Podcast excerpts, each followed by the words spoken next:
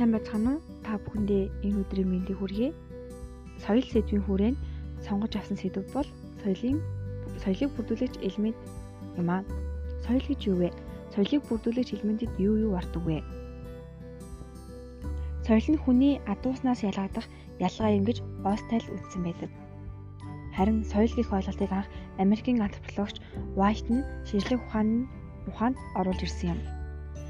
Соёлыг бүрдүүлэгч элемент нь дотроо тав ангилагддаг. Бэлэг тэмдэг, үнэлэмж, хэл, мэдлэг, хим хэмжээ.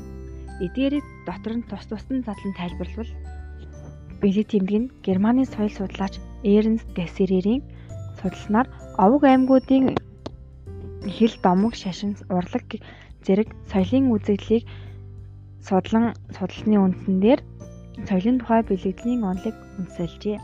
Энэ нь тухайн зүйлийн утгыг дамжуулдаг код юм.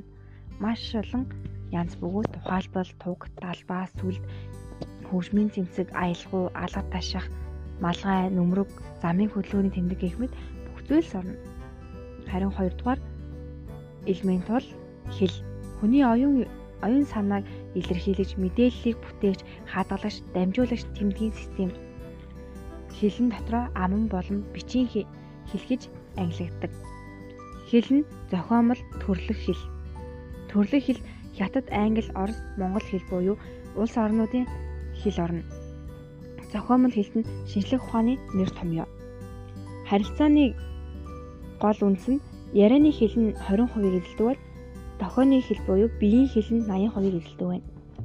3 дугаар элемент үнэлэмж юуг зөв буруу гэж хүлээн зөвшөөрөдөг үзэл талаар нийтэд хүлээн зөвшөөрөгдсөн эрхэм чанаруудыг үнэлэмж гэнэ. Үнэлэмж нь дотроо 3 ангилагдана. Үнэлэмж, үнэлэмжийн баримжаа, үнэлгээ. Үнэлэмж нь нийт хүн төрөлхтний хүлээн зөвшөөрдөг үнэт чанарууд орно. Үн, сайн болон шудраг ёс, эрх чөлөөг альч ард түмэн эрхэмлдэг. Үнэлэмжийн баримжаа баримжаа нь үнэлэмжийг хувь хүн өөрийн шүүлтэн хэр хэмжээний төвшин хүмүүсийн үзэл санаа, итгэл үнэмшил ёс суртахууны хувьд харилцан адилгүй сонголт хийдэг. Үнэлгээ нь нийгмийн бүлэг хамт олон бие хүний зан төлөв үйлдэлийг тодорхой шалгуурт нийцэж байна уу үгүй юу гэдгийг шүүн тунгаах үйл явц юм аа.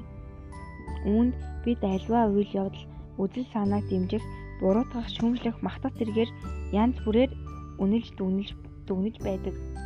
Мэдлэг соёл бүхэн хүний амьдрах арга ухаан хуримтлуулсан туршлагаас болж байдаг гэдэг утгаараа мэдлэг Мэдлэг бол хүний танин мэдэх үйл ажиллагааны үр дүн бөгөөд үзэгдэл, үйл явдалтай шууд харьцаж юм уу бусад төрлийн дохиод тэмдэгтээр дамжуулан хүлээж авдаг мэдээлэл юм.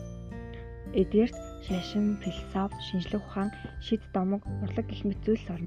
Хим хэмжээ нь хүмүүсийн тодорхой хүрээ цаг хугацаанд биш харин ямар ч үед байнга дагаж мөрдөх үйл төрөх байдлын ерөнхий дүрм юм. Хим хэмжээг 3 ангилна ёс суртахууны хэм хэмжээ, эрх зүйн хэм хэмжээ, албан ба албан бус хэм хэмжээ. Ёс суртахууны хэм хэмжээд нийгмийн санал сэтгэлээр дэмжигдэн байдаг сайн муу, шудраг, шудраг бусын шалгуураар тодорхойлогдох ерөнхий дүрм журмыг хэлдэг.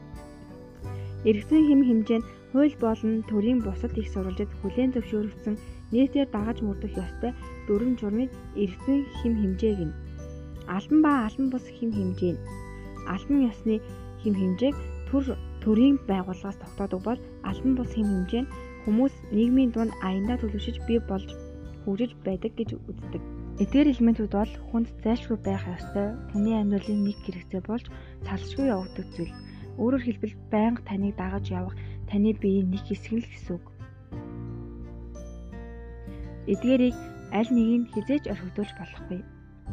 Ингээд миний өнөөдрийн подкаст энэ хүрээд өндөрлж байна. Та бүхэн